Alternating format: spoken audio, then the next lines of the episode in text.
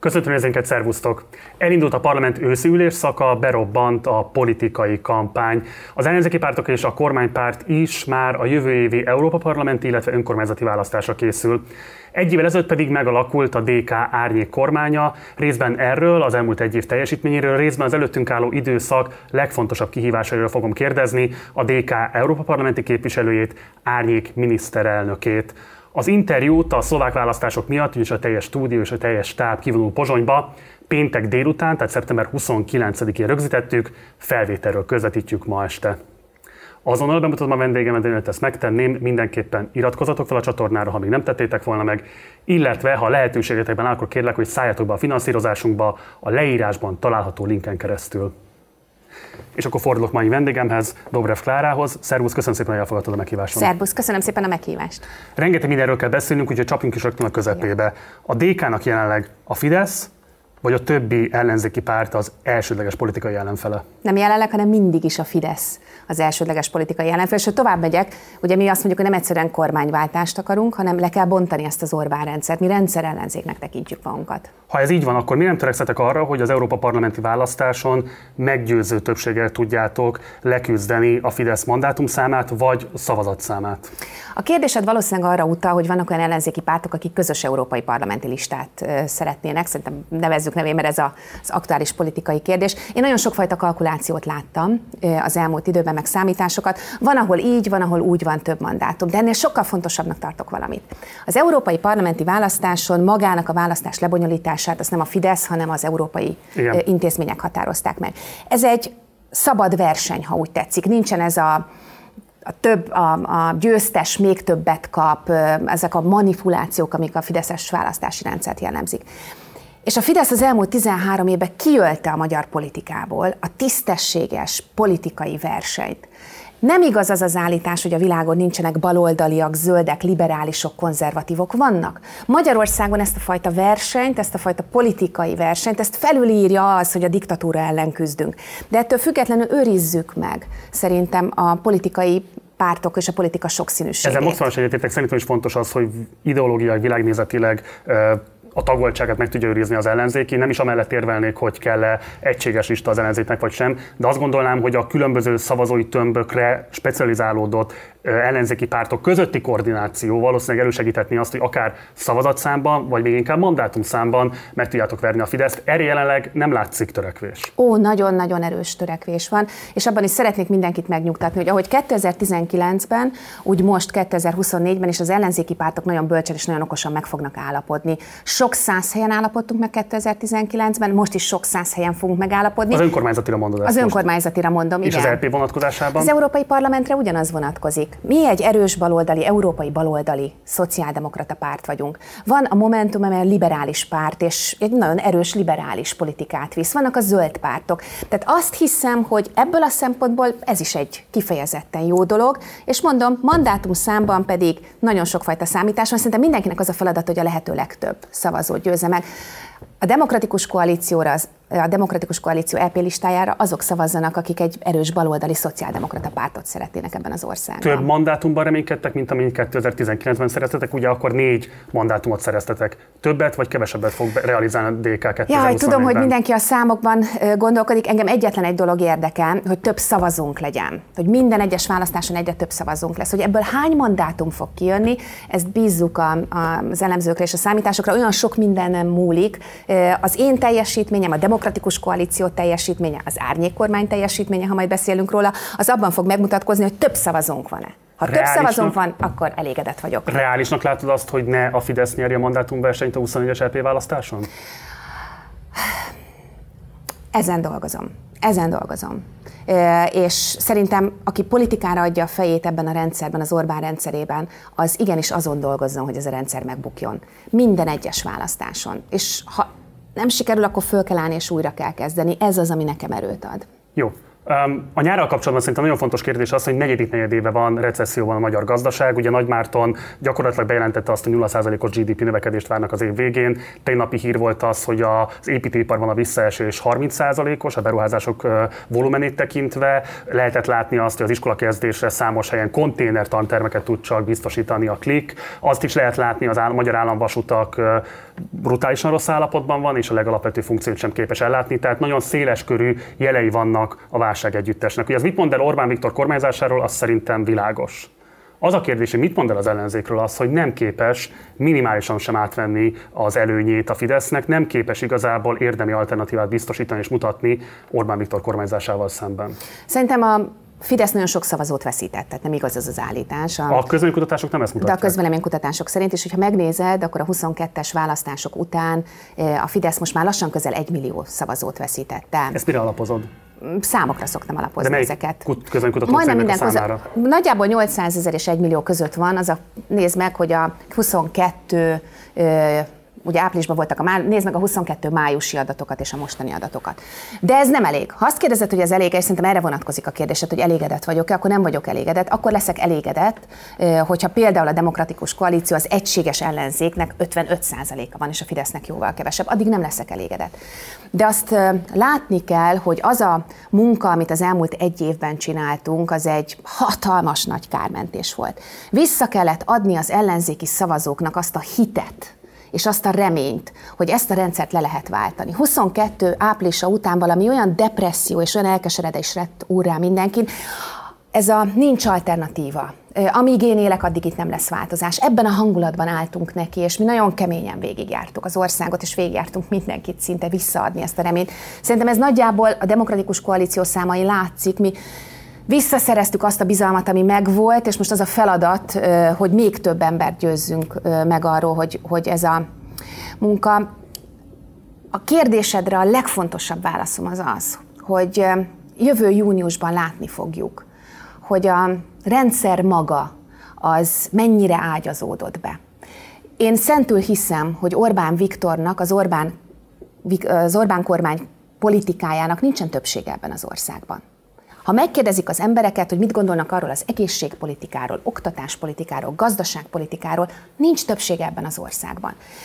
Egy hazug és elnyomó rendszerben élünk, amely kínosan ügyel arra, hogy a saját szavazóit olyan buborékba tartsa, amiből nincsen kiárás, amiben nincsen bejárás sem. Nekünk ellenzéki pártként pedig az a feladatunk, hogy a magunk sokkal kisebb eszközeivel ezt a buborékot föltörjük. Mi ezen dolgozunk. Feltéves megengedve, hogy ez így van. Ugye az Aves Researchnek vannak a számait, azt gondolom, hogy nyugodtan vehetünk irányadóul. Ott májusban 50%-on állt a biztos párt választókörében a Fidesz, ez lement 4% ponttal 46%-ra most szeptemberben, viszont a DK számai stagnálnak 18 és 19% között. Tehát nem látszik igazából az, hogyha veszít is adott esetben a Fidesz, az a lemorzsolódó szavazó réteg az ellenzéki pártoknál csapódna le. Nem kérdés, hogy a DK a legerősebb az összes ellenzéki párt közül, de ez még mindig nem tűnik elégségesnek ahhoz, hogy érdemi alternatívája legyetek Orbán Viktor kormányzásának. Természetesen, ha májusi adatokhoz képest nézed, akkor, akkor DK erősödése is ott van, de nem is ez a kérdés, hanem hogyan fogunk tovább menni. Tehát visszaszereztük... Így értétek el a 20%-ot. Van, ahol igen, van, ahol nem. Lehet, hogy az Ávecnél éppen igen, más kutatóknál igen, de nem is ez a lényeg, mert igazából mindegy, hogy 18, 19, 20 vagy 21, és e, majd hívsz közvéleménykutatókat, és velük érdemes beszélgetni a kutatásokról. Én politikus vagyok, nekem programot kell adnom, nekem megoldást kell kínálnom. A legfontosabb kérdés, hogy hogyan megyünk tovább. E, mi azt a következtetést vontuk le az elmúlt egy évből, e, hogy két dolgot kell tenni. Az egyik az alternatívát mutatni. Erről szól az árnyék kormány, majd fogunk róla beszélni, hiszen éppen ma indult a program bemutató beszéd, ami szerintem elég izgalmas hónapokat mutat előre. A másik, hogy Mese nincs, vissza kell térni, ha úgy tetszik, akkor klasszikus politikai eszközökre, offline kampányokat kell csinálni. Ma már az a média, az az online elérés, ami egy pár évvel ezelőtt még nagyon nagy lehetőségeket biztosított, még a Fidesz média ellensúlyozására is, az már nagyon beszűkült. Ezért amit mi csináltunk, és mi csinálunk az elkövetkező időben, az iszonyatosan erős taktoborzó kampány, ugye ezzel telt a nyarunk. A taktoborzó kampányal párhuzamosan jönnek a az aktivista toborzók, hiszen mindenhol az egész országban szükségünk van emberekre. Nincs olyan választókörzet, ahol 10, 20, 30, néhol 50 fővel ne nőtt volna a tagság száma, és értelemszerűen velük együtt jönnek az aktivisták is. Azt fogják látni a választók, hogy a következő hónapokban elárasztjuk az utcát emberekkel, postaládákkal, beszélgetéssel, programokkal, közösségépítéssel, mert ezt a buborékot, amiről beszéltünk, ezt áttörni csak személyes jelenléttel lehet. Mi így gondoljuk, és most ezen dolgozunk. Ezeknek az igazságtartalmát nem vitatom, de hogyha megnézzük azt, hogy 2006-ban, amikor utoljára MSZP kormány tudott alakulni, hogyan néztek ki az erőviszonyok egy évvel később, 2007 őszén, tehát nagyjából pont ugyanaz a helyzet, mint most másfél évvel a 22-es választás után, akkor azt lehetett látni, hogy akkor a választók 33%-a gondolta azt, hogy a Fidesznél lenne jobb kezekben a kormányzás, és 15%-ra esett le a MSZP támogatottsága. Tehát azt lehet látni, még jóval a gazdasági válság előtt már gyakorlatilag helyet cserélt ellenzék és kormánypárt, most pedig hiába lehet azt látni, hogy sokkal rosszabb a helyzet, mint 2006-2007 vonatkozásában volt. Hiába működik egy éve az árnyék kormány, nem megkérdezve az erőfeszítéseket, biztos vagy benne, hogy valamilyen módon van reflexiótok arra, hogy mégsem voltatok képesek átütni az üvegplafont. Mivel magyarázod ezt? Marci, mivel magyarázod ezt? Tehát összehasonlítod a 2006-os politikai verseny körülményeit, az ország demokratikus állapotát, a nyilvánosság állapotát a mostanival? Ez az egyetlen különbség? Tehát, hát, hogy mondjam, az, hogy az ember egy demokráciában él, vagy diktatúrában él, és nem akarok szemantikai vitát folytatni, én diktatúrának nevezem ezt a rendszert, elég lényeges különbségnek tűnik. Tehát lehet azt mondani, hogy a török ellenzék, az orosz ellenzék, a fehér orosz ellenzék milyen gyenge, de szerintem inkább nézzük azt, hogy az, hogy egy illiberális rendszert, egy ilyen önkényuralmat, ami most fölépül Magyarországon, azt milyen eszközökkel lehet legyőzni, azt igazából mindannyian tanuljuk, hogy őszinte legyek nem csak a pártok, Teljesen hanem világos. a nyilvánosság. Például te is most tanulod, hogy mit meddig lehet, meddig engedik, mit lehet csinálni. De hogyha ez a helyzet, akkor igazából mi az a pont, amikor be kell látni, hogy klasszikus ellenzéki alternatív állítással ezzel a rendszerrel szemben nem lehet eredményt elérni, és ilyen értelemben az ellenzék nem csinál más, mint hogy legitimálja a létező rendszernek az antidemokratikus kereteit. Nagyon sokszor fölmerül ez a kérdés, és mindig megkérdezem valamit. Van egy ilyen pont nálad? Mi a B lehetőség? Mi a másik alternatívád? Nem vagyok politikus, tehát nem rendelkezem alternatívát. Téged állam... kérdezek, hogy politikusként te hogyan gondolkodsz erről? Ez nyilván egy nagyon fontos kérdés számotokra. Azért kérdeztem ennyire vissza, mert állampolgárként is föl kell tennünk ezt a kérdést hogyha nem a választáson győzzük le a rendszert, akkor mi a B változat? Nekem erre egyébként van válaszom. Nekem az a válaszom rá, hogy demokrataként, demokratikus politikusként nekem minden eszközzel el kell mennem a falig. Minden eszközzel azon kell dolgoznom, hogy választásokon győzzük le ezt a rendszert. Teljesen és, világos. És egészen addig, amíg nem megyek neki fejjel a falnak, és vérző fejjel nem pattanok vissza, vagy amíg élek, vagy nem tudom, hogy hogyan, vagy szabad vagyok, vagy hogyan kell ezt megfogalmazni, én addig küzdeni fogok azért, hogy ezt a rendszert békés választásokon le lehessen váltani. Nekem ez rá a válaszom. És a rendszer körülményeket egy pillanatra félretesszük, van-e olyan stratégiai, taktikai hibája a DK-nak, akár csak az elmúlt egy évnek, az árnyék kormánynak, amit szerinted változtatni kell, vagy amiből olyan felismerése jutottatok, hogy ha ezen nem változtattok, képtelenek lesztek többséget szerezni Magyarországon? Szerintem ez egy folyamatos tanulási folyamat, mi is folyamatosan tanulunk, és nagyon sok mindenem változtatunk. Például nekem meglepő, volt egy jó és egy rossz meglepetésem. A jó meglepetés az az, hogy amikor arról beszélünk, hogy hogyan lehet majd az Orbán rendszert leváltani, és mit kell csinálni, akkor ennek az egyik része, amit mondtam neked, az offline kampány, a másik, és erről nagyon sokat szoktunk beszélni, a politikai közösség építése. A politikai közösség építése az nem csak pártot jelent, hogy pártagokból kell több, hanem az Orbánon kívüli ellenzéki oldalnak mérhetetlenül szétszakadt a civil, a szakértői ö, szervezete, háttere, tudása, és mérhetetlen elszakadt a pártoktól. Márpedig sikeres alternatívát csak úgy tudunk fölépíteni, hogyha tudomásul veszük, hogy a választásokon pártok indulnak, de a pártok sem mindenhatók, tehát a tudásnak, a tapasztalatnak a civil szervezetektől kell jönnie. Az elmúlt években a civilek sem akartak nagyon a pártokkal, szakértők is mindig féltek egy Jézuson valamilyen párttal vagy politikussal találkozni, a szörnyű dolog. Az elmúlt egy évben ebben nagyon jó tapasztalataim vannak, közel ezer fő olyan szakértővel, civil szervezettel vettük fel a kapcsolatot az agráriumtól az egészségügyig, a közlekedéstől, és ez azért nagyon fontos, mert ennek a bázisnak a felépítése, ez, ez nem csak a választáshoz kell, ez a kormányzáshoz is kell. Ez egy nagyon pozitív tapasztalat, rengeteg emberrel.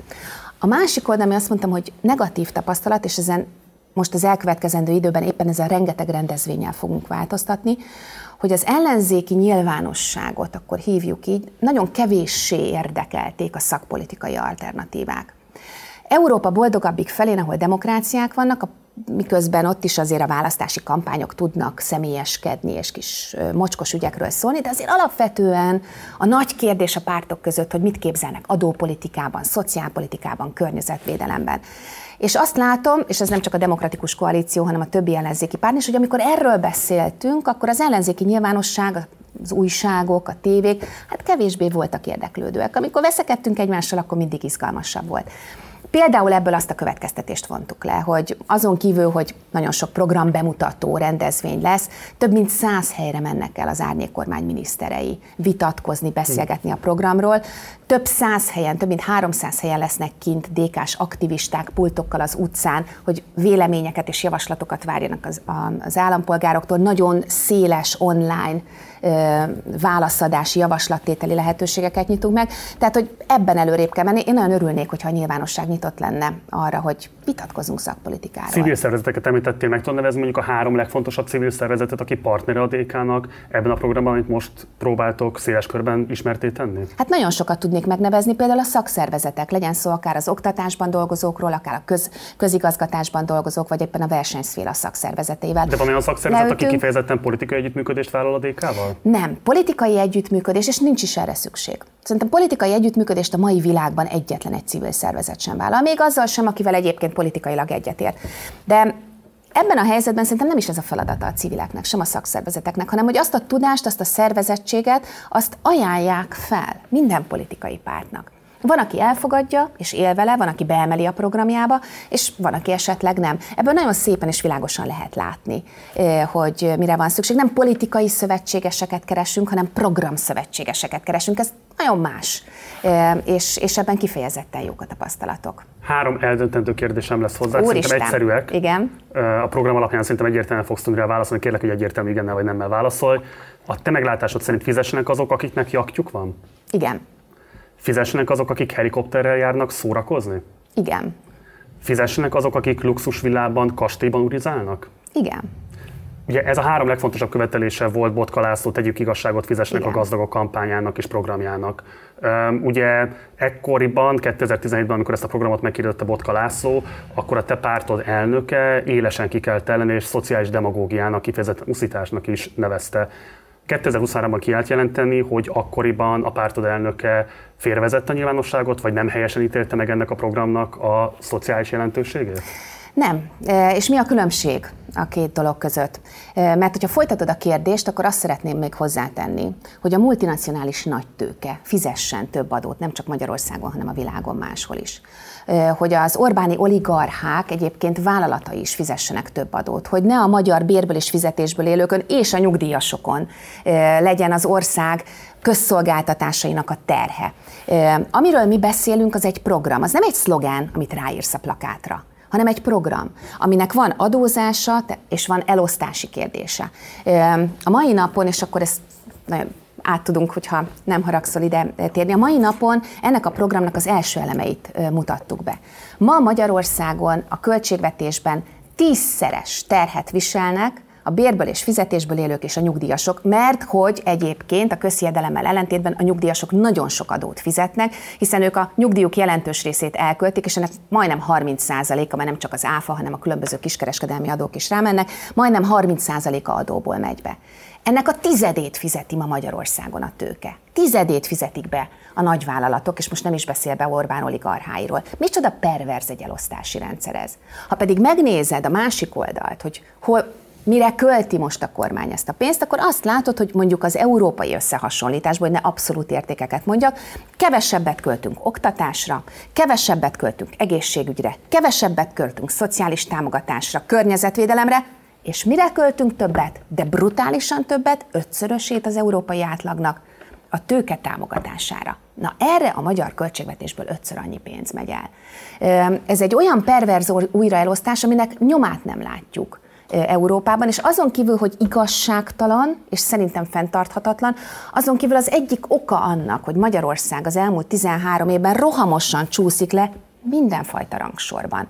És nem csak életminőség, de versenyképesség, hatékonysági rangsorban is csúszunk lefelé. A 21. század már nem ilyen államot kíván. Most ismertetted a szociáldemokrata programotokat, ami a 2022-es választás után jelent meg a DK-nak a retorikájában és a programalkotásában is. Miért nem lehet azt kimondani, hogy 2017-ben tévedésben voltatok, és egyébként köszönjétek Botka Lászlónak, hogy elsőként felvetette ezeket az ügyeket, és ezt az örökséget is építve tovább, de egyébként újabb elemeket beépítve 2023-ban már a fizessenek a gazdagok mellett vagytok ti is elkötelezve. Egy nagyon fontos különbséget azért hagy mondjak nem 22-ben lett a DK-nak baloldali vagy szociáldemokrata Én programja. a 22-es kampányt elég közelről figyeltem, nem hallottam, hogy a ti képviselőjelöltjeitek ilyesmi szavakat használtak hát, volna, hogy például a tőkét meg kell adóztatni, sokkal jobban hát számon azt, kell kérni. Azt tudom neked mondani, hogy a DK már alapításakor, és egyébként fontos, mert a 22-es kampány igazad van, hogy fordulópont, csak más képen.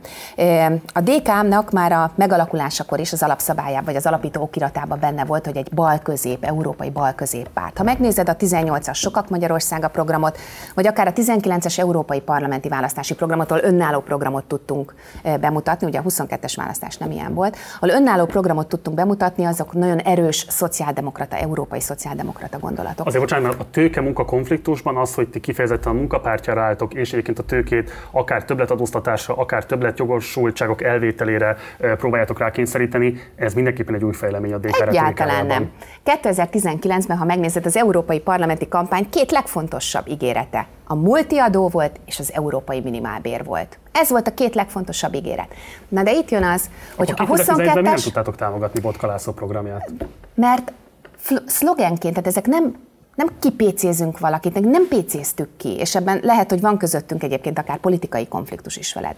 Mi nem pécézzük ki a gazdagokat, mi nem pécézzük ki a milliárdosokat, mi nem pécézzük ki a multinacionális vállalatokat. Majd beszéljünk arról, hogy egyébként milyen jó hatása van a versenynek, a tőkének, vagy a szabadpiacnak. Csak egy fél mondattal még azt arra hagyj reagáljak, mert abban igazad van, hogy 22 után egy valamiben lehet váltást látni.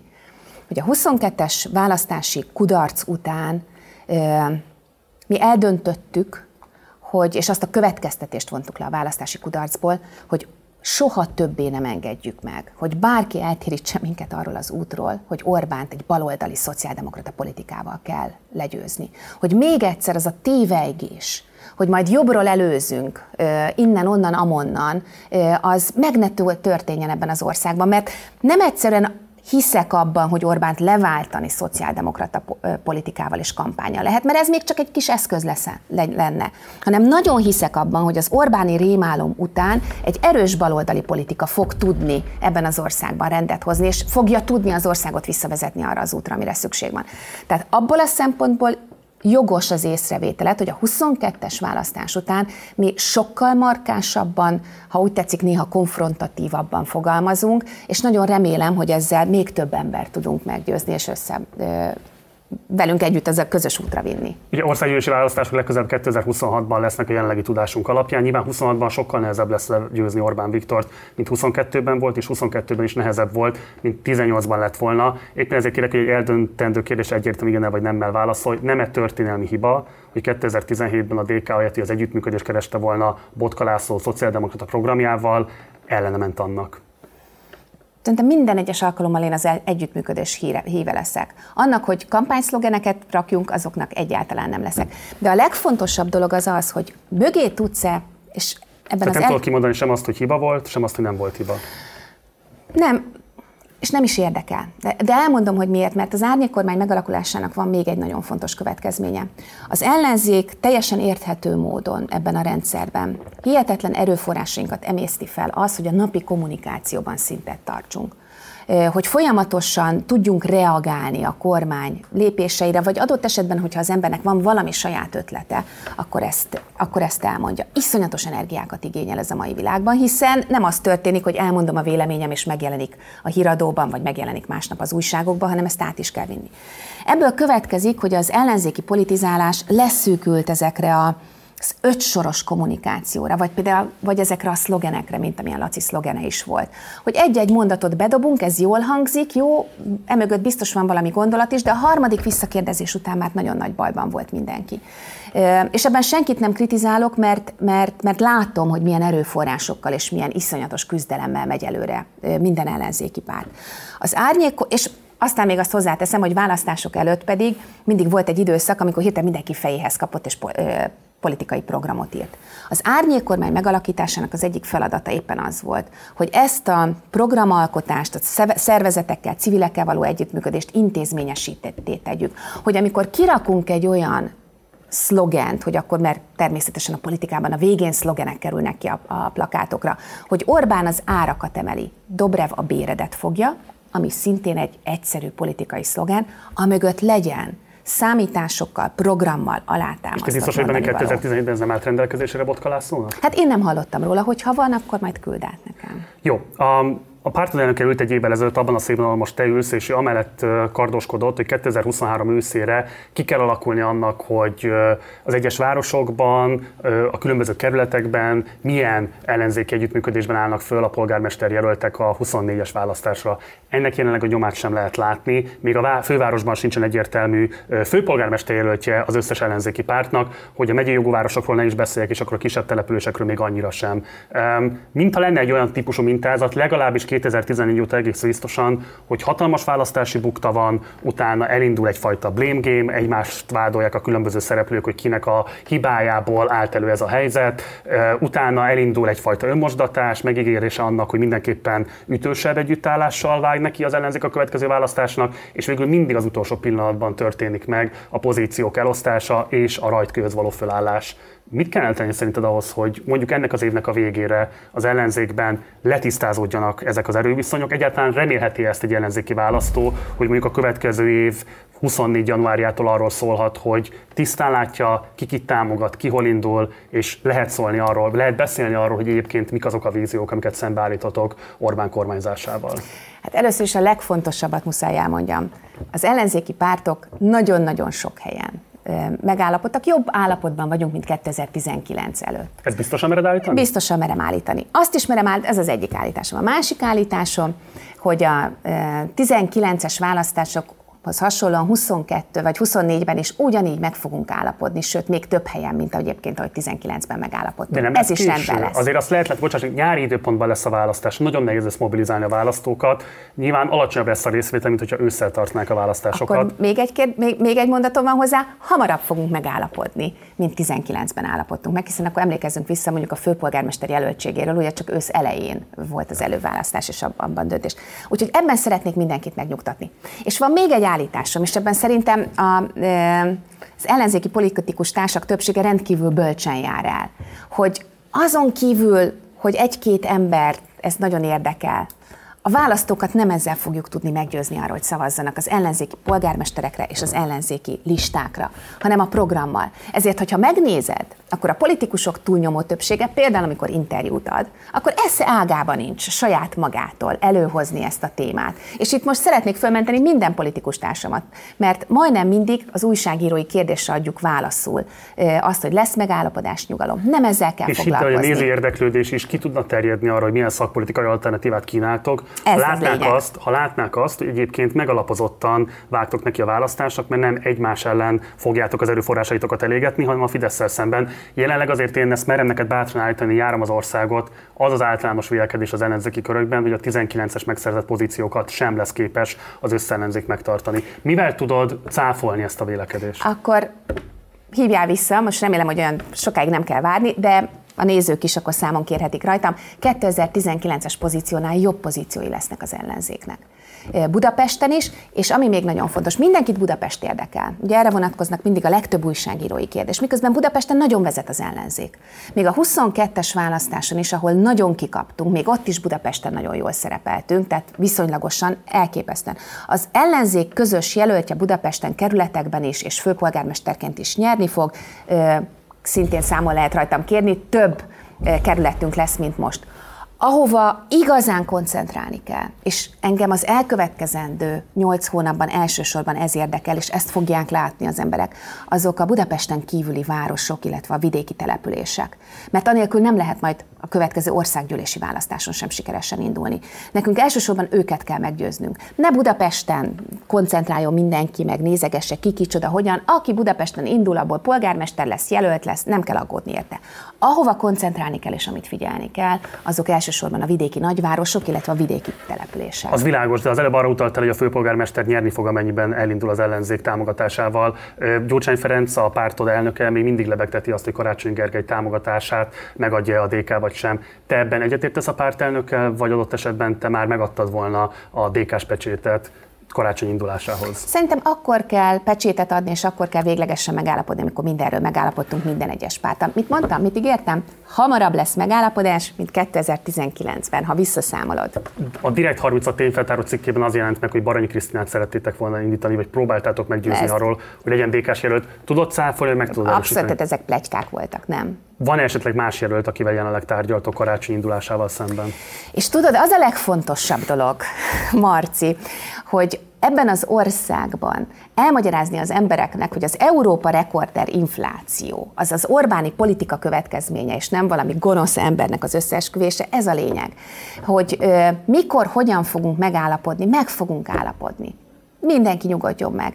Viszont Tárgyaltok vagy sem más lehetséges főpolgármester jelöltekkel karácsonyjal szemben? Mindenkivel tárgyalunk, minden párttal tárgyalunk, és mindenki mással. Meg lesz a megállapodás, és nagyon helyesen vannak olyan, a politikának vannak olyan dolgai, amelyekben az a fontos, hogy meg tudjanak állapodni a politika szereplői. De az, hogy milyen ajánlatot adnak az országnak, azt viszont a nyilvánosságban kell eldönteni. Itt ülünk és beszélgetünk 60 percen keresztül, és ebből nagyon hosszú perceket veszünk el, miközben nagyon kevés lehet lehetőségem van, mert hát a köztévében nem hívnak meg ilyen hosszú beszélgetésekre, elmondani, hogy miért, mit gondolunk nyugdíjakról, bérekről, és ehelyett folyamatosan arra a kérdésekre válaszolni. Lesz lehetőség ezekről is beszélni, ezek szintén annyira releváns és fontos kérdések, hogy muszáj őket érinteni. Pártelnököd azt mondta, hogy a főpolgármesteri pozíció az egyik legerősebb politikai felhatalmazással bíró pozíció. Miért nem indulsz akkor te? Egész egyszerűen nem gondolnám, hogy feltétlenül jó dolog, hogyha az ember itt-ott mindenre is alkalmas. Az Európai Parlamentben, szerintem amit letettem eddig az asztalra, az, az elfogadható. Remélem, hogy a választók is így fogják gondolni, és hasznosabbnak gondolom az Orbán rendszer elleni küzdelemben most az európai parlamenti pozíciót. Utolsó kérdés Budapesthez. Több megbízható forrásunk is jelezte azt, hogy valami fajta együttműködés, mint hogyha formálódna a főpolgármesteri hivatal és a kormány között arra vonatkozóan, hogy egy olimpia rendezésnek a tervét a főváros nem fogja vétózni. Te hallottál esetleg ilyesmiről? Hát Van-e esetleg ilyesmi a napirenden? Nem hallottam, és azt viszont nyugodtan mondhatom, hogy, hogy én viszont minden erőmmel ellene fogok menni. Az, hogy ma Magyarországon az olimpia lehetőségét egyáltalán csak lebegtetni, az ugyanaz, mint a reptér megvásárlása, vagy a veszteséges Vodafone megvásárlása. Tehát tényleg, amikor nem hogy WC papír, de orvos és, és szike nincsen a kórházakban, akkor olimpiáról beszélni, én szerintem ez egy olyan dühítő és bosszantó dolog. Ráadásul nézzük meg azért az elmúlt években egy Magyarországhoz hasonló fejlettségű ország olimpia rendezése minden alkalommal brutális anyagi terhet rótt arra az országra. Szerintem, aki egyáltalán gondolkodik és kooperál az olimpia megrendezésében, az, az, az nagyon tévúton jár, és nagyon remélem, hogy amit mondasz, ez nem igaz. Az előválasztási kampányodban harcosan kiálltál a különböző szereplők elszámoltatása mellett, akik a NER építésében, működtetésében részt vállaltak. Ezt továbbra is fenntartod? Abszolút. Az is kérdezem ezt, mert nyilván jelenleg úgy néz ki, hogy ha nagyon nem változnak a politikai erőviszonyok, akkor feltétlenül te leszel az ellenzék, nem tudjuk, hogy milyen összeállításban, de mégiscsak a 26-os miniszterelnök jelöltje, vagy legalábbis az egyik lehetséges, leginkább befutó jelöltként nézel szembe ezzel a lehetőséggel. És azért vannak olyan kérdések, amelyek fölmerülnek azzal kapcsolatban, hogy 2010 előtt a pártod elnök által vezetett kormányzat miért úgy és miért ilyen formában cselekedett. Például mondjuk a Lexport kapcsán miért adott lehetőséget arra, hogy Polt Péter politikai túléléséhez az akkori MSZP vezette kormányzat asszisztáljon. Hogyan értékeled a mából kifejezetten ezt a lépését a Gyurcsány kormánynak?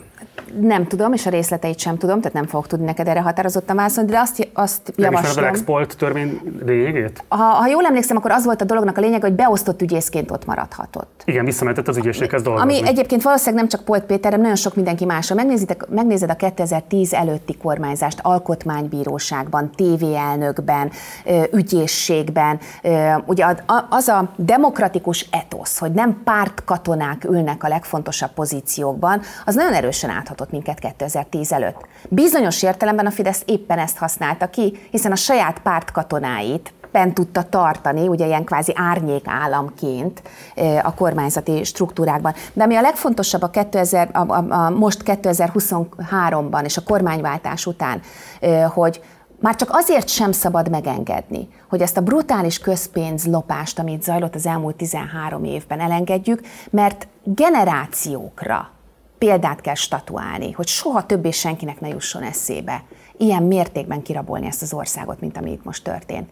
Jogszerűen bírós, független bíróságok, független ügyészségek, jogszerű nyomozás, soha nem fogsz tőlem egyetlen egy olyan szót sem hallani, ami politikai nyomásgyakorlást jelentene. De akár az Európai Ügyészségbe való belépéssel, de azt, hogy muszáj, hogy legyen következménye. Mészáros Lőrinc és Tiborc gazdagodásának, az nem csak azért fontos, mert az igazságérzetünket sérti, nem csak azért fontos, mert egyébként az országnak szüksége is van arra a vagyonra, amit összeharácsoltak, hanem azért, hogy a következő évtizedekbe se jusson senkinek az eszébe miniszterelnökként, hogy a saját vejét, gyerekét, apját, mm, szomszédját, sógorát teszi milliárdossá.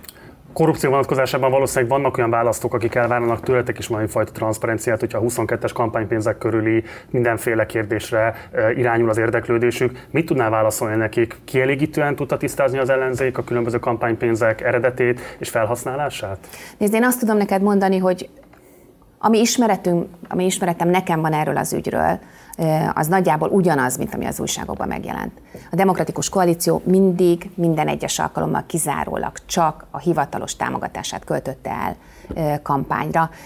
Azt meg megtanultam az elmúlt 13 évben, hogy a Vélelmem az az, hogy a NER rendszere hazudik, és az ellenzéki politikus társaim felé vagyok nyitottabb, ezért én is kíváncsian várom, ha, van, ha nincs megdönthetetlen bizonyíték arra, hogy itt bármi jogellenes dolog történt, akkor a bizalmam töretlen. És a jelenlegi tudásod szerint nincs ilyen? A jelenlegi tudásom, amit most egyelőre látok és hallok, annak alapján nincs ilyen. Ugye a ma délelőtti kampányrendezvényeden te magad is hitet tettél újra az Európai Egyesült Államok eszméje mellett, miközben a pártod elnök a HVG-nek adott interjújában a nyugat kifáradásáról beszélt. Feloldanád ezt a látszólagos ellentmondást? Hogy lehet intellektuálisan kifáradt a nyugat, ha közben ti továbbra is azt szeretnétek, hogyha valami fajta föderális együttműködésben léteznének a különböző európai államok együtt? Ó, ez, a, ez teljesen természetes. Hát a, az európai világ, vagy a nyugati világ, ahogy szoktuk mondani, mondjuk az Egyesült Államokat és Európát, ez nem a lehető világok legjobbika. Válságok tépázzák meg, és most egy hatalmas nagy kihívás előtt áll. Az a kérdés, hogy ebben a kihívásban hogyan megyünk tovább. Az elmúlt évtizedekben az, az egyenlőtlenségek nőttek a nyugat-európai országokban, és nem csak Magyarországon. Magyarország egy egészen különleges példa, de Németországban és Franciaországban is, ha úgy tetszik, a gazdagok egyre gazdagabbak lettek, és ami tényleg azt jelenti, hogy bizony változásokat kell végrehajtani, az az, hogy minden egyes válságból, ami egy döbbenet, minden egyes válságból a gazdagok gazdagabban jöttek ki. Legyen szó a 2008-9-es válságból, a Covid válságból, és most még az energiaválságból is azt látjuk. Itt valami nem, nagyon nincs rendben. Éppen ezért változtatni kell. Én azt látom, hogy az európai politika és ezenből az európai szociáldemokraták viszik a prímet, éppen azon dolgozik, hogy visszavegyük azt a hatalmat, amit az elmúlt évtizedekben a multinacionális, globális nagy tőke felhalmozott, azt visszavegyük az emberektől. Erről szól a minimumadó, a globális minimumadó, erről szól az európai minimálbér, erről szólnak egyébként azok a klímakatasztrófát megakadályozni kívánó törvények, erről szólnak a fogyasztóvédelmi törvények, adatvédelmi törvények, és folytathatnám tovább. Azt láttuk, hogy a globális tőke miközben kinőtte a nemzetállamokat, és a a nemzetállamoknak alig marad eszköze, hogy a saját állampolgárait megvédje. Ilyen mm, tüneti kezeléseket ad, mint hogyha csak fájdalomcsillapít. Arra használnánk a nemzetállamokat, hogy fájdalomcsillapítót adjanak az állampolgárainak azokért a bajokért, azokért a fájdalmakért, amit a globális tőke ö, okoz nekik. Ahelyett, hogy egyébként sebészkést adnánk a nemzetállamok kezébe. Hogyan lehet egyébként a tőkét megrendszabályozni? Hogyan lehet azt a tőkét, ami elmegy egy perc alatt adóparadicsomba, Seszels szigetre, Vietnámba, Kínába, hogyan lehet egyetlen egy módon? Sokkal erőteljesebb nemzetközi együttműködéssel, az Európai Egyesült Államokkal. Akkor folytassuk ezzel a hazamegvét programban számos pontot fogalmaztok meg eh, például erre a követelésre vonatkozóan, ha idézek belőle. A jelenlegi arányokat megváltoztatva a közös nemzeti jövedelemből a mainál nagyobb részt kell adni az embereknek, és kisebbet a vállalatoknak. Ha jól értem, akkor igazából ti csökkentenétek a multinacionális vállalatok részére juttatott kormányzati támogatásokat. Ez azt jelenteni, hogy adott esetben az Audi, a BMW vagy a Mercedes is kevesebb központi támogatással számolhat egy Dobrev kormány esetén? Biztos. A beszélgetés elején beszéltünk arról, hogy milyen perverz az újraelosztása az Orbán kormánynak, hogy miközben az adókat az emberektől, az állampolgároktól szedi be, bérből és fizetésből élők, nyugdíjasok majdnem tízszer annyit fizetnek be adóba, mint a tőke és mint a vállalatok. Aközben az újraelosztásban, amikor támogatni kellene, akkor meg azt látjuk, hogy a brutális pénzeket fizet ki a tőkének. Ez teljesen világos, de ugye azért az elmúlt tizen évben pont ezek a vállalatok ahhoz lettek hozzászoktatva Magyarországon, hogy a magyar adófizetők fizetik a profitjukat. Nehezen látom, hogy adott esetben ebben bármilyen változtatás lép föl, akkor adott esetben ne vennék kalapokat, kabátjukat és teljeznék át máshova a működésüket. Ez nyilván nagyon érzékeny dilemma, hogy a foglalkoztatás és a munkaerő megtartás a fontosabb, és adott esetben ezért benyeli egy új kormány ezt a típusú támogatást, vagy azt gondoljátok, hogy akkor is keresztül kell vinni, hogyha adott esetben egy-egy vállalat ezért hát veszi a kabátját. Na látod, ezért kell Európai Egyesült Államok, és ezért kell erős politika és közös politika. Ma Európában két nagyon fontos irány mutatkozik meg.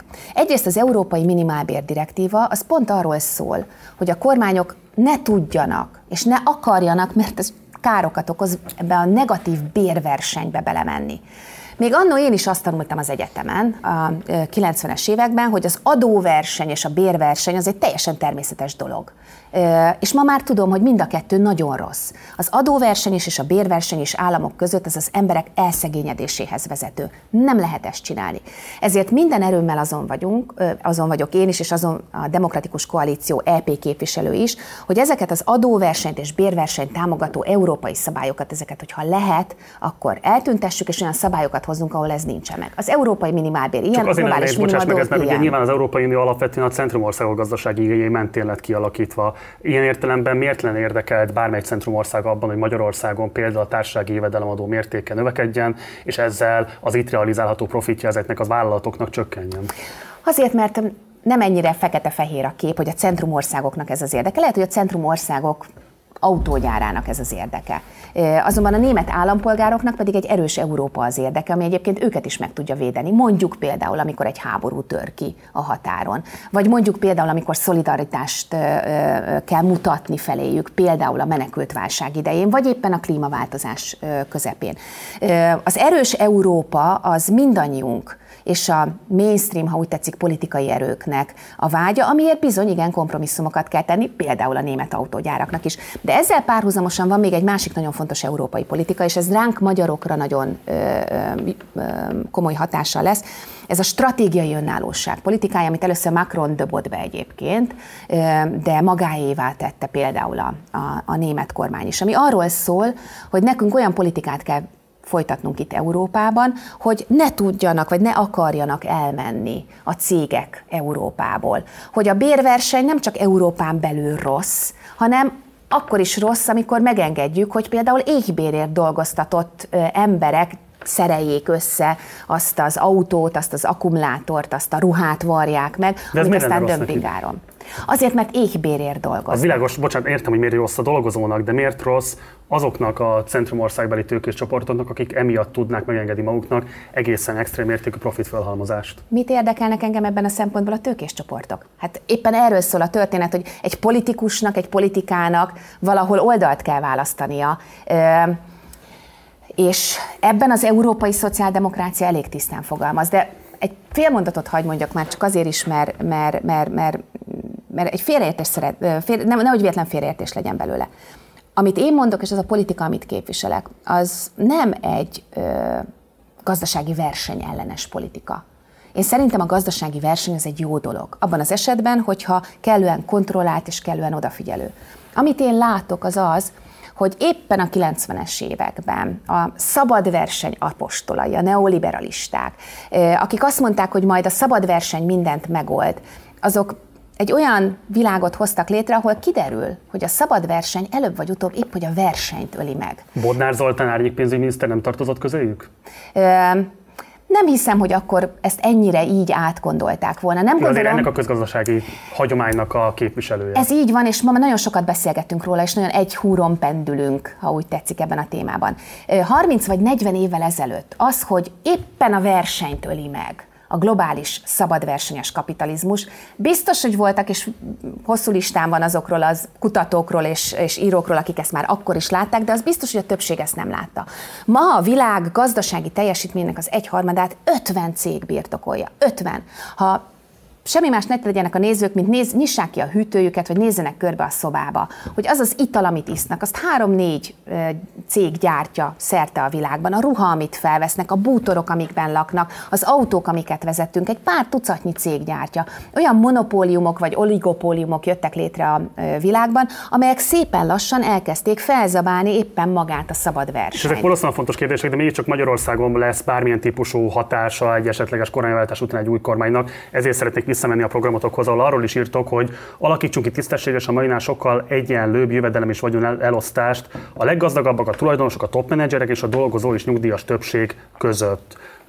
Nyilván ez adókivetés egyik oldalról, ha jól értem, de a másik oldalon ami nagyon érdekel, hogy például az olyan típusú magánvállalatokat, amiket kizárólag közpénzből hoztak létre és duzzasztottak föl, például amikor a 4IG-t, el tudod képzelni, hogy államosítsa egy Dobrev kormány?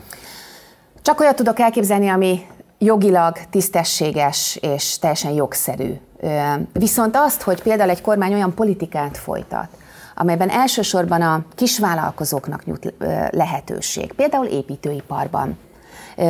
Nekem nagyon régi vágyam és tervem az, hogy a társasház és panelház felújítási programot önrész nélkül, ráadásul Európai Uniós pénzből folytassuk, sőt, sokkal nagyobb erővel tegyük Ez a beruházás és építés ösztönzésnek egy irányelve, egy Dobrev kormány esetén? Ez abszolút. Ebből az is következik, hogy egyébként nagyon sok kisebb, közepesebb építőipari vállalat tud majd lehetőséghez jutni, és nem feltétlenül a nagy mészáros holding lesz az, aki majd nem tudom én hatalmas nagy olimpiai csarnokokat épít. Visszatérve a jövedelemosztás kérdéséhez, nyilván egy nagyon fontos kérdés az is, hogy az úgynevezett magántőke alapok, ami az egyik legizgalmasabb következménye volt az Orbán így a hatalom gyakorlások nevezetesen, hogy hogyan képes. Ez eufemisztikus, a... ez az izgalmas. Hát abban az értelemben, hogy hogyan képes a tulajdonosi szerkezetet elrejteni jogszabályalkotás alkalmazáson keresztül legális módon, és lehetővé tenni azt, hogy tisztázatlan tulajdonviszonyok mellett írtózatos vagyonokat tudjanak kontrollálni.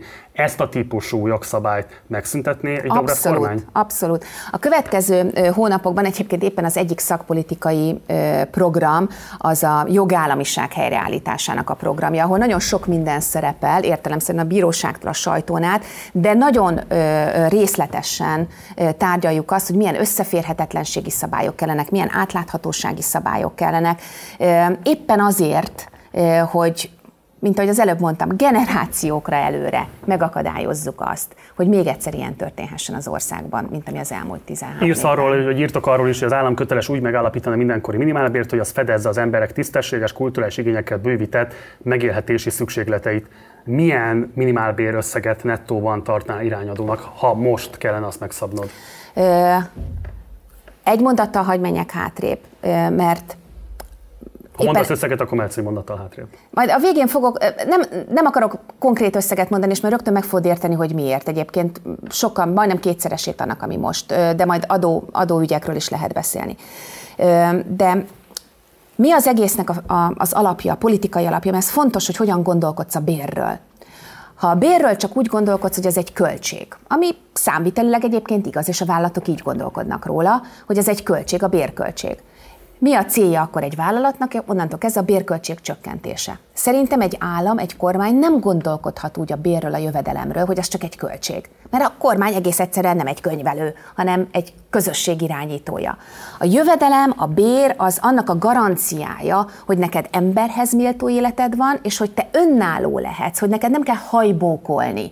Nem szorul görcsbe a gyomrod, hogyha a munkaadóval vagy a főnököddel beszélni kell. A bér önállóságot ad. A bér az méltóságot ad. Éppen ezért, amikor bérről beszélünk, akkor muszáj ezt a szempontot is figyelembe venni. És azért világos. nagyon fontos. Milyen összeg az, ami ezt garantálja és, szerinted 2023 Magyarországon? És nem lehet, és akkor innen azért muszáj, akkor muszáj végigmondanom a mondatot, mert különben a számnak önmagában nem a száma önmagában a lényeg. Mert Szerintem a dolgozók többségének igenis a száma lényeg. A dolgozók többségének is az a fontos egyébként, hogy a bér maga az pusztán csak azt fedezi, hogy meg tudom venni az élelmiszert, hogy ne hagyjak éhen, vagy tudok fűteni, vagy a bér maga arra is elég, és ezt hívjuk, ha úgy tetszik, akkor társadalmi minimumnak, és akkor már itt jövünk a bérekhez és az összeghez, ezt hívjuk társadalmi minimumnak, amikor már lehetővé válik az is, fogok számot mondani, ne nézz rám ilyen mérgesen, amikor lehetővé válik az is, hogy adott esetben akár egy könyvet vegyen magának az ember, elmenjen egy moziba a gyerekkel, hogy el tudjon menni pihenni három napra, vagy megvegyen egy ö, ö, strandbelépőt a nyáron. Nincs ebben, mekkora összeg az, ami Szerint, azt fedezi? Szerintem nagyjából a mai árak mellett ez körülbelül 300 ezer forint Nettó. környékén van, nettóban, de attól félek, hogyha egy év múlva beszélünk, akkor sokkal nagyobb összegről kell beszélni. Jó. És még valami, mielőtt frászt kapnának a kis és középvállalkozások, hogy a Dobrev milyen hatalmas nagy terheket rak rájuk, például adórendszerrel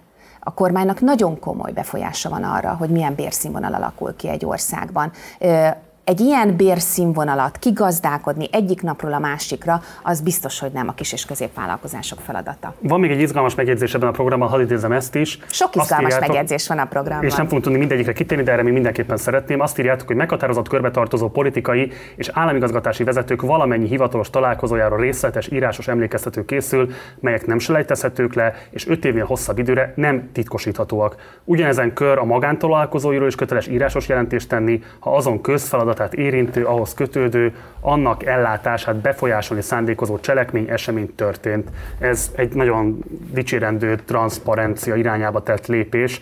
Addig is, ami nem került a kormányra, várhatjuk-e, hogy esetleg a DK saját magára alkalmazza ezt? Mindenkit meg tudok nyugtatni, ez egyébként az Európai Parlament ö, ö, transzparencia szabályainak megfelelő, tehát nekünk egyébként európai parlamenti képviselőként ezt már követnünk kell, és ezt már be kell mutatnunk. Zárójelben megjegyzem neked csak, hogy érezzék a, a nézők is, hogy mi magyarok milyen problémákkal küzdünk. Például a transzparencia szabályai szerint. Nekem be kell jelentenem minden egyes alkalommal, hogyha találkozom mondjuk egy szakértővel, egy szakszervezeti vezetővel, egy adott esetben, ha valamilyen témában találkozom valakivel, és el tudod képzelni, hogyha lejelentem akkor, és ezek nyilvánosak, akkor milyen hihetetlen fideszes támadásnak lesznek kitéve azok, akiknek a neve szerepel ebben a transzparencia jelentésben. Ez egy hatalmas nagy dilemma számomra is. Én egyébként mindent és mindig lejelentek, de azért nem annyira könnyű egy diktatúrában még egy ilyen transzparencia szabálynak sem eleget. Az világos, tehát, hogy az Európai Parlament megköveteli tőled, mint képviselőt, hogy ezeket alkalmaz magadra. A pártvezetésen mondjuk, akár az elnökség fogja magára alkalmazni kormányra kerülésig. Van, amit igen, és van, amit nem. Az árnyékkormány, azt mondtam, hogy a szakszervezet, egyébként kormányra kerülés után mindenféleképpen, de vissza kell állítanunk a demokráciát. Azt képzeld el, hogy azt mondtam, hogy közel ezer szakértővel dolgoztunk együtt, írásos anyagokat is adnak, véleményt adnak. Ennek az egész ezer szakértőnek kicsit több, mint az egyharmada. Egyetlen egy dolgot kért tőlünk, hogy ne derüljön ki a neve. Mert éppen most még gimnáziumi tanár, mert az egyik kórháznak az igazgatója. Vagy azért, mert van egy vállalkozása, egyébként teljesen pici vállalkozás, amire azon aggódik, hogy hogyan megy ki hozzá az a pech. Ne próbáljuk meg eljátszani egymás között, hogy egy szabad és virágzó demokráciában élünk. De egyébként a transzparencia szabályok nem csak az Európai Parlamentre, hanem például az Európai Bizottságra is érvényesek. Mi még annál is szigorúbbakat, de majd a program, részletes programban majd látni fogod, mi kifejezetten a skandináv országok transzparencia szabályit ö, akarjuk bevezetni. Nem lesz egyszerű, de az Orbáni rendszer után, ahol suscsorogva VIP páholyokban dől el egy jogszabály, egy állami támogatás, teljesen elzárva a nyilvánosság előtt, szerintem nekünk egy kicsit meg kell próbálni adott esetben akár átesni a ló túlsó oldalára, és egy olyan magatartást mutatni, hogy döntéshozói helyzetben nem lehetnek titkos találkozók és sustyorgások. Beszéljünk még a politikai versenytársaitakról is, hogyha egyébként a politikai ellenfeletek a Fidesz maga. Ugye az LNP-nek parlamenti frakciója amiatt lehet, mert a DK átengedett egy képviselői helyet. Ez akkoriban megütközést keltett a nyilvánosságban, nehezen volt érthető a politikai racionalitás e mögött, a döntés mögött. Azóta azért az látszik, hogy legalábbis az LNP és Ungár Péter elég erőteljesen gyomrozza a Momentumot, a különböző képviselőit, akik nyilván a legfontosabb politikai ellenfelei a DK-nak. Kijelenthető, hogy van egy olyan típusú együttmozgás a DK és az LNP között, mint mondjuk a Fidesz és a mi hazánk között, most nem ideológiai értelemben, funkciós értelemben véve, hogy gyakorlatilag az LNP részben tesztelmondásokat, amelyek hasznosak lehetnek a DK-nak, részben a politikai ellenfeleinek való csatározást, azt ki lehet szervezni az ő részükre. Nem, ez teljesen butasság egyébként, ha megnézem, akkor Ungár Péter jó kemény gyabrosokat küld nekünk is, DK-knak is, és a DK-s politikának is, nem ez És soha nem láttam, hogy ilyesmi történt volna. Tudsz hát visszaidézni? Hát most át fogom neked küldeni, de hogy a fejembe benne van, hogy egyébként az elmúlt időszakban, hogyha kritika ért minket az ellenzéki oldalon, eh, politikai tartalomban, akkor az mindig az LMP-től jött. Én egyetlen egy ilyen megszólalására sem emlékszem Péternek. Szerintem, akkor át fogok neked küldeni egyébként jó pár. Korábban de... volt olyan, hogy gyurcsányozott ő maga is, adott esetben 2018 után, de hogy 2022-től kezdődően nem, nincs, nincs, nincs nincsenek ilyen. éles kritikája a DK-val szemben, ez szerintem kijelenthető. Hát akkor majd megkérdezett tőle, hogy ez miért így van. Én nekem lehet, hogy túlérzékeny vagyok, és mindent meghallok, de nincs Mit ilyen. nyert igazából a DK az LNP-nek átadott mandátummal? Hogy megállapodtunk még a választások előtt. De miért jó az a DK-nak, hogy az LNP-nek van frakciója? Van, mert megállapodtunk a választások előtt, és ha valakivel megállapodunk, akkor tartjuk a szavunkat, akkor is, hogyha az éppen nem jó nekünk. De majd azt fogod látni, nem megyünk vissza ebbe a körbe, nagyon remélem, vagy legalábbis nagyon szeretném, hogy nem menjünk vissza, de azt fogod látni a 2019-es megállapodás után, most a 2024-es önkormányzati megállapodáson is, hogy az, hogy a legnagyobb ellenzéki párt vagyunk, ez, ez inkább több felelősséggel jár, és adott esetben nekünk kell nagyvonalúbbnak lenni a többi párttal szemben, és szerintem ennek eleget is fogunk tenni. Többször leszünk nagyvonalúak, és sokszor fölteheted azt a kérdést, hogy de mi az érdeke ebben a DK-nak? A DK-nak egyetlen egy érdeke van ebben, együtt tartani ezt az ellenzéki közösséget és sokasságot, hogy le tudjuk váltani az Orbán rendszert. De ez egy ellentmondás, hogy azt mondod, hogy egyszer együtt kell tartani őket, de közben mégiscsak egyedül indultak neki, akár az LP választásnak, vagy más helyeken például önálló polgármesterek fognak indulni, akkor nem értem, hogy miért nem az, annak az irányába tesztek lépéseket, hogy akkor a DK-nak a dominanciája kizárólagossá váljon. De mert a demokratikus felfogásunkkal ez nagyon-nagyon ellentétben van. Ha azt kérdezed, hogy azt szeretném hogy a DK legyen az ország legerősebb pártja, megelőző a Fideszt, akkor azt mondom, hogy igen. Ha azt kérdezed, hogy hol leszek elégedett a DK támogatottságával, akkor nagyjából az 55 százalék. Igen, ezt elmondtam. Ezt, ezt, ezt, most mindenhol el fogom mondani, nehogy véletlen valaki azt így, hogy addig hátradőlök. De ettől függetlenül az Orbán utáni rendszerben én megrögzötten hiszek a koalíciós kormányzásban. Tehát megrögzötten hiszek abban, hogy az Orbán utáni rendszert egyébként úgy fogjuk tudni fölépíteni és az Orbán rendszert lebontani, ha már a döntés hozatal pillanatában ott vannak a különböző szempontok. Ennek nem mond ellen az sem, hogy egyébként az a szociáldemokrata irányvonal, amit én támogatok, az kell, hogy legyen szerintem a dolognak a közepe. Kell, hogy legyen iránya, nem csinálhatunk még egyszer egy ilyen imbolygó ide-oda dölöngélést, mint 22-ben. Kell, hogy legyen a politikának iránya, közepe, kell, hogy legyen egy nagyon erős stratégiája, de ettől függetlenül, hogy egyébként jó az az országnak, hogyha a koalíciós viták megjelennek már a döntéshozatal pillanatában, ebbe továbbra is hiszek. Milyen a viszony akkor az, a Momentummal, hiszen jelenleg gyakorlatilag a 22-es együttinduló ellenzéki pártok közül rajtatok kívül nekik van egyedül esélyük arra reálisan, hogy mandátumot fognak tudni szerezni a jövő évi LP választáson. Közben meg ugye azt lehet látni, hogy számos politikus tudtatok áthívni magatokhoz a DK-ba a Momentum felől, miközben ugye azt is lehet látni, a már említett Bodnár Zoltán, aki árnyék pénzügyminiszter, a hatodik kerületben Soproni Tamásnak dolgozik, aki Momentumos polgármester. Tudsz erre magyarázatot adni, hogy akkor most konkrétan milyen viszony fűztiteket a Momentumhoz? Normális emberi viszony, szerintem ezzel nincs is mit magyarázni. Inkább az, azt kellene magyarázni, hogy ha nem, e, nincsen valamilyen titkos kardozás az ellenzéki pártok között. Beszélünk egymással, vitatkozunk. A politika az a verseny és az együttműködés együttese. E, nagyon nagy baj, hogyha nincs verseny a politikában, az a diktatúra, erről beszéltünk, és az is nagyon nagy baj, ha nincsen semmilyen együttműködés. Okay. Éppen azért a demokratikus oldalon az, hogy van normális párbeszéd, beszélgetés, hogy én beszélek Donát Annával, vagy éppen Csekatkával egy konkrét ügyben, kapcs- konkrét ügyben, vagy hogy Gelencsérrel, Fekete Győrrel van normális párbeszéd a parlamentben, szerintem ez a normális, és nem arra kell magyarázatot adni, hogy ez miért van, hanem arra kéne, ha ez nem lenne. Nincs olyan interjúnk, ahol erre a kérdésre nem térnénk ki, és pontosan tudom, milyen választ fogsz adni, de mégis fölteszem, mert szerintem ez egy visszavisszatérően megválaszolatlan kérdés a DK részéről.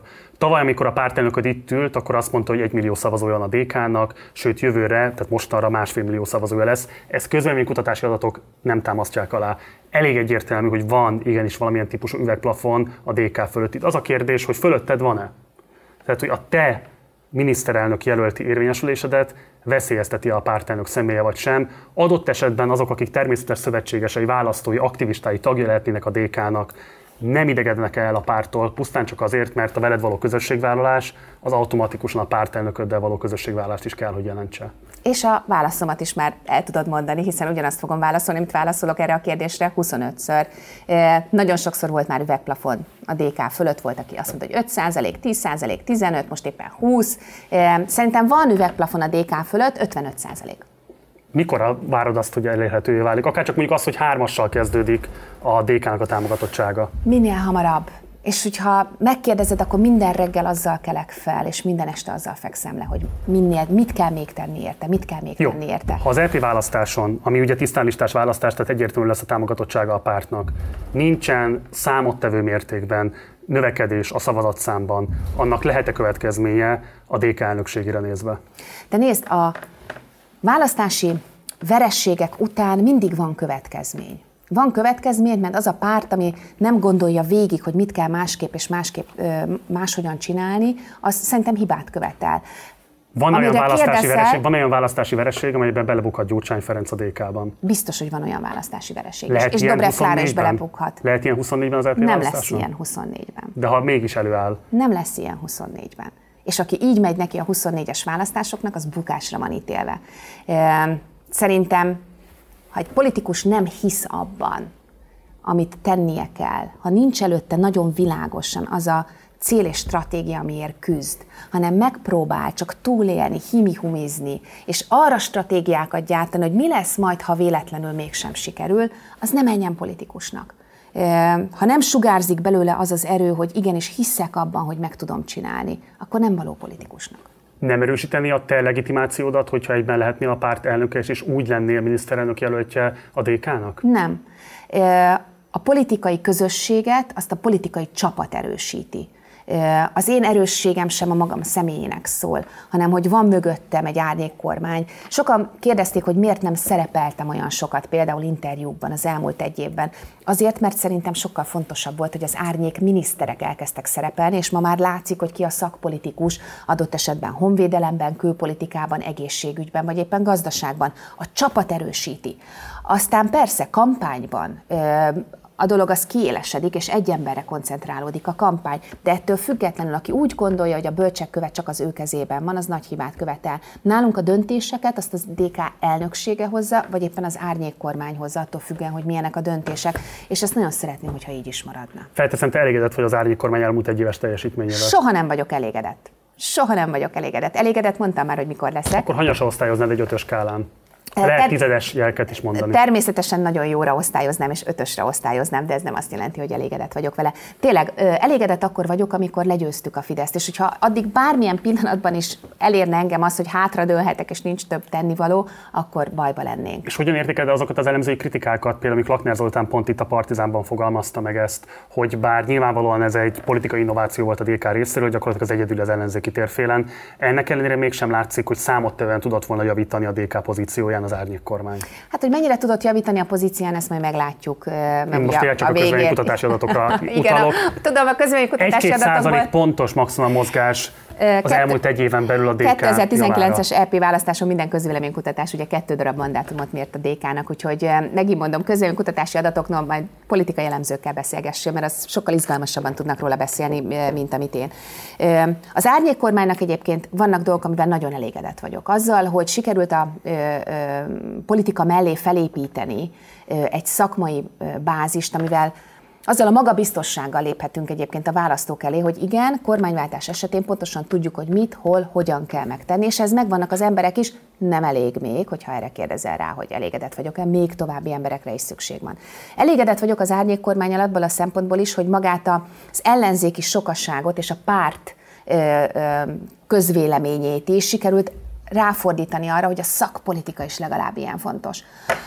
Az is fontos persze, hogy kikiről mit mondott a parlamentben, és kikiről mit nyilatkozott csúnyát vagy szépet, de mégiscsak az a fontosabb, hogy milyen országot akarunk.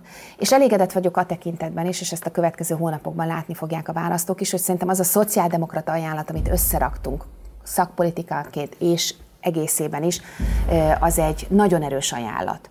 Abban elégedetlen vagyok, hogy ez hány emberhez jutott el, a következő hónapokban azon fogunk dolgozni, hogy ez minél több emberhez eljusson, mert mondtam neked, hogy meggyőződésem, hogy az Orbán kormány politikájának nincs, többsége. Hm. Aminek többsége van, hogy az emberek nem látják, hogy van más és van alternatíva. Na most ez a feladatunk, hogy az emberek ezt is észrevegyék. Záró kérdés.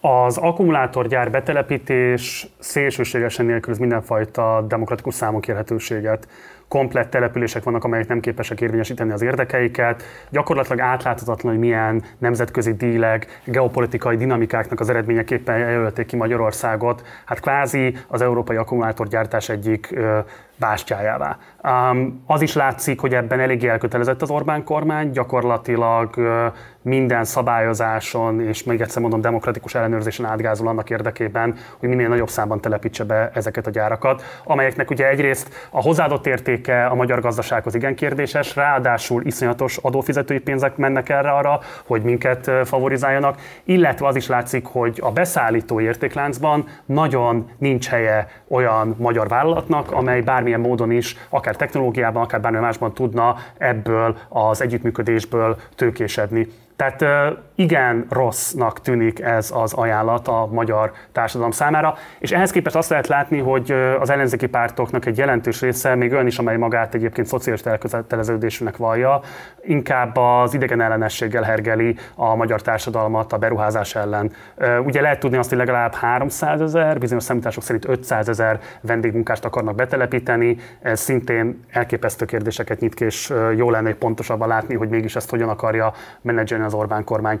Mit üzennél azoknak az ellenzéki pártoknak, akik az akkumulátorgyár problémát kifejezetten az idegen gyűlöleten keresztül próbálják opponálni, és ezen keresztül próbálnak társadalmi ellenállást építeni ezzel szemben? Szerintem tegyünk különbséget. Egyébként nem az idegen gyűlölet. Egyáltalán nem. Amikor a vietnámi Fülöp-szigeteki, de nem is nagyon hallottam olyan mondatot, most a demokratikus ellenzéki pártoktól, most a mi hazánk ebben nem érdekel, nem, nem nagyon hallottam olyan mondatot, amiből idegen gyűlöletet lehet Úgy a jobbik, kivenni. mint az MSZP vezető politikusainak a megszólalásaiból kiolvasható volt ez. Én, én én nem hallottam ilyet, de majd elolvasom, és akkor megnézem. Amit én látok, az az, hogy, hogy egyébként az a fajta politika, hogy az Orbán kormány vendégmunkásokat telepít be az országba, az egy rendkívül káros politika. Arról szól a történet, hogy behoznak a Fülöp-szigetekről, Mongóliából, nem tudom még, hogy Indonéziából embereket, akiket aztán itt éhbérért dolgoztatnak. Az, hogy egy vendégmunkások által lakott házban, egy 100 négyzetméteren ott élnek 50-en, a 21. század Magyarországán, és emiatt egyébként lehet nekik havonta 200 ezer forintot fizetni, azt szerintem felháborító. Az, hogy kihasználják őket arra, hogy 8 órát ledolgoz az egy, mert ugye ezek a konkrét ügyek, amik jönnek vissza, például többek között a szakszervezeti vezetőktől, 8 órát végig dolgozik egy gyárban, a vendégmunkás, majd fölrakják a buszra, és átviszik egy másik gyárba, ahol szintén 8 órát végig dolgozik, hiszen szerencsétlen nem akar hazamenni a 20 fős hálótermébe, ahol kell aludnia másnap reggelig. Elképesztő körülmények között és elképesztő feltételekkel. Mindezt miért? Mert a multinacionális nagytőke és az Orbán oligarcháinak a magyar munkás már túl drága. Elfogyott a magyar munkás, mert elment tőlünk nyugatra, aki meg itt maradt, az még túl drága neki. Mi lesz ennek a következménye? Szerintem ez nem idegen ellenesség, és szerintem ebben nagyon határozottan kell fogalmazni, hogy itt semmi más nem zajlik, mint kizsákmányolása és égbérér való dolgoztatása külföldi vendégmunkásoknak azért, hogy ne kelljen tisztességes béreket fizetni a magyar Világos, hogy így fogalmaznak az ellenzéki pártok, én sem minősíteném az ő megszólalásukat. Ez most idegen... Ez nem az, ez nyilvánvalóan nem az, csak ők nem ezt a aspektust domborítják ki. Éppen ezért kérdezem tőled, hogy viszont arról az aspektusról mit gondolsz, hogy ez az akkumulátorgyár betelepítés nyilvánvalóan az európai autógyárak élettartamának és jövedelmezhetőségének a meghosszabbítását, a prolongálását szolgálja. Tehát ilyen értelemben ez is az Európai Uniós tagságunknak egy kényszerű következménye. Nem feltétlenül, hiszen pontosan látjuk, hogy éppen most indít a bizottság egy eljárást a kínai autógyárak, és ebbe bele fognak tartozni a kínai akkumulátorgyárak is, ha jól látom a beszállítási láncon, éppen a dömping miatt, éppen az állami támogatások miatt, éppen azért, hogy az európai ipart védjék. De ebben én nagyon egyértelműen fogalmazok, éppen két héttel ezelőtt volt egy sajtóháttérbeszélgetésem a német sajtóval, ahol kifejezetten azt mondtam, hogy szerintem az az elvárás, a német autóipari gyárak és a menedzsment felé is, hogy az a magatartási kódex, amit kötelezőnek éreznek magukra nézve Németországban, azt érezzék kötelezőnek magukra nézve Európában is. Ez érvényes az, autó, az autógyárakra, a telekommunikációs cégekre és mindenféle német multira. És azt tudom mondani, hogy volt pozitív visszajelzés ennek a mondatnak. Mit lehet tenni, csak 2026-ban Dobrev kormány alakul, de Magyarország addigra akkumulátorgyarmattá válik, súlyosan környezetszennyező következményekkel, az édesvízi lehetőségeink megcsapolásával, és akkor a további következményekről nem is beszélek. Hogyan lehet majd ennek bármilyen módon is a hatásait enyhíteni, adott esetben felszámolni? Nagyon szigorú környezetvédelmi ellenőrzéssel és szabályokkal, nagyon szigorú környezetvédelmi bírságokkal, nagyon szigorú munkaügyi ellenőrzéssel. Szeretném, hogyha a munkaügyi ellenőrzés különösen a vendégmunkások esetében kiterjedne például a lakhatási körülményükre is, hiszen éppen ezért tudnak ilyen olcsók lenni, mert szörnyű körülmények között laknak. Nagyon szigorú szabályokra, és, kettő, és onnantól kezdve, hogy egy szociáldemokrata kormánya van ennek az országnak, onnantól kezdve támogatást, segítséget csak az a vállalat kaphat Magyarországon, külföldi vállalat, aki tisztességes munkaügyi viszonyokkal rendelkezik, szakszervezet van, tisztességes tisztességes béreket fizet, betartja a környezetvédelmi szabályokat, és még sorolhatnám. Ez a magyar emberek érdeke. Dobrev Klára, a DK LP képviselője, árnyék miniszterelnök, nagyon szépen köszönöm, hogy elfogadtad a meghívásunkat, és mindenről beszámoltál a nézőinknek. Köszönöm szépen. Ez volt a beszélgetésem Dobrev Klárával. Ha tetszett a beszélgetés, akkor mindenképpen iratkozz fel a csatornára, ha még nem tetted volna meg. Ha van bármilyen kérdésed vagy észrevételed az elhangzottokkal kapcsolatban, akkor pedig várlak a komment szekcióban. Ha tetszett, amit hallottál, akkor a like kom megnyomásával pörgetheted az algoritmust a mi érdekünkben. Ha nem, akkor nyilván ott van a dislike, de ebben az esetben mindenképpen kérlek, hogy fejtsd ki, hogy mi az, ami nem nyerte el a tetszésedet. Ha lehetőséged már, akkor kérlek, hogy szállj be finanszírozásunkba, ehhez a linket megtalálod a leírásban. Ahogy említettem az adás legelején, ezt a beszélgetést szeptember 29-én péntek délután rögzítettük, eh, annak érdekében, hogy el tudjunk menni Pozsonyba, és a szlovák választásról Pozsonyból tudjunk tudósítani. Munkatársai nevében köszönöm szépen a figyelmet, én Gulyás Márton voltam, ciao.